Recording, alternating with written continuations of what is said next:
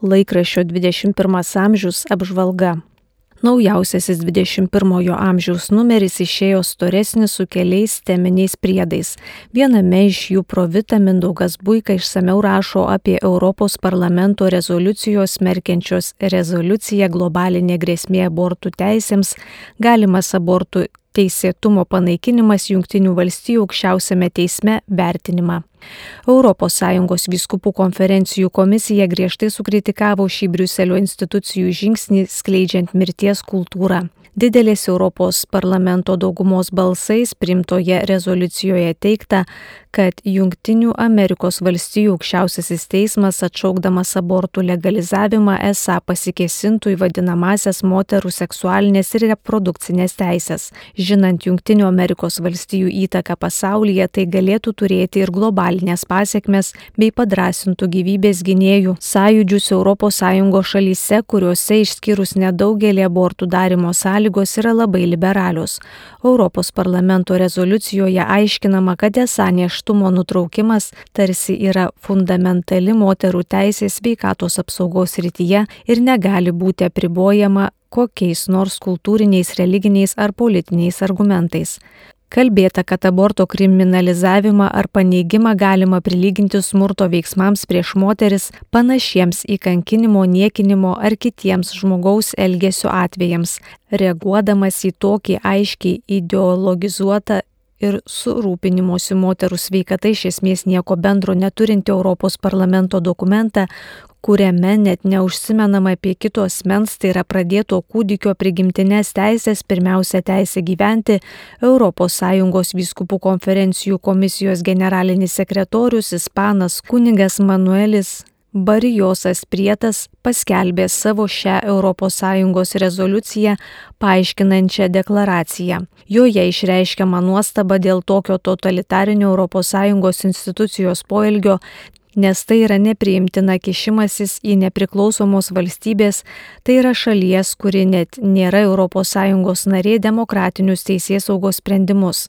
Taigi Europos parlamentas savo priimta rezoliucija bandydamas daryti įtaką net kito žemynų valstybei diskredituoja save kaip instituciją, kurioje dirba 27 šalių rinkti atstovai. Kunigas Barijosas Prietas priminė gerai žinomą faktą, kad juridiniu atžvilgiu nei Europos, nei visoje tarptautinėje teisėtvarkoje nėra pripažintos teisės į abortą, kurios moraliniu atžvilgiu būtų motinos iščiuose pradėto kūdikio žmogžudystė.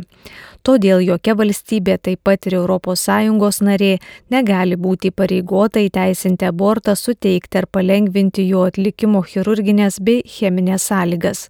Kuningas pažymi, kad Europos viskupai gerai suvokia, su kokiomis tragiškomis ir sudėtingomis situacijomis kartai susiduria apie abortus varstančios motinos. Rūpinimas šiomis moterimis, kurios dėl neštumo atsidūrė sunkioje bei konfliktinėje padėtyje yra pagrindinė bažnyčios sielovadinės ir karitatyvinės tarnystės dalis ir aiški pareiga visai visuomeniai. Nerimo ištiktos moterys neturėtų būti paliktos vienos ir esant visoms neštumo aplinkybėms gauti reikiamą materialinę, dvasinę ir medicininę pagalbą, bet taip pat Negalima ignoruoti pradėto kūdikio teisės gimti ir gyventi ir kitų jo kaip asmens teisų pripažinimo. Beje, Junktinių valstijų aukščiausiasis teismas priėmė gyvybę ginantį sprendimą, kurį iki šiol kritikuoja ir Lietuvo žiniasklaida, vis teikdama, kad abortas yra moters teisė. Kitame 21-ojo amžiaus priede abipus Nemuno rašoma apie musninkuose renovuotą istorinį pastatą, klėtelę prie Alfonso Petrulio gimnazijos. Jo atidarime dalyvavęs klebonas kunigas Marius Talutis, sakydamas, kad kolekcionuoja Lietuvos himnus, prašė kartu sugėdoti musninkiečius o kairiajame Nemuno krante plokščiuose, kurie garsėja Vaiguvos upe gatve, atidaryta lauko galerija, kurioje eksponuojamos nuotraukos atspindinčios miestelio istoriją - bažnyčią, mediciną, mokyklą, dvarą, įstaigas, laivininkystę. Dar kitoje žinioje iš miesto prie Nemuno Jurbarko rašoma apie tai, kad šeimos metai parkelyje prieš kleboniją baigti Konstantino Glinskio teatro spektakliu. Dar kitame 21-ojo amžiaus priede sidabrinė gyja Eugenija Sidaravičiūtė rašo apie 90 metų moterį iš druskininko Agotą Valasinavičiūtę Naujelienę.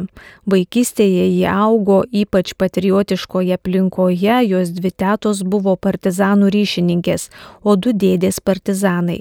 Todėl, te turėdama tik 12 metų ji jau nešiojo pirmasias slaptasias kovotojų žinutes. Vėliau ji davė partizano priesaiką ir gavo slapyvardį Eglė. Užduotis gaudavo iš Kazimieraičio rinktinės vadų, žinias perduodavo ir partizanų kapelionui kunigui Zigmui Neciunskui Elytei.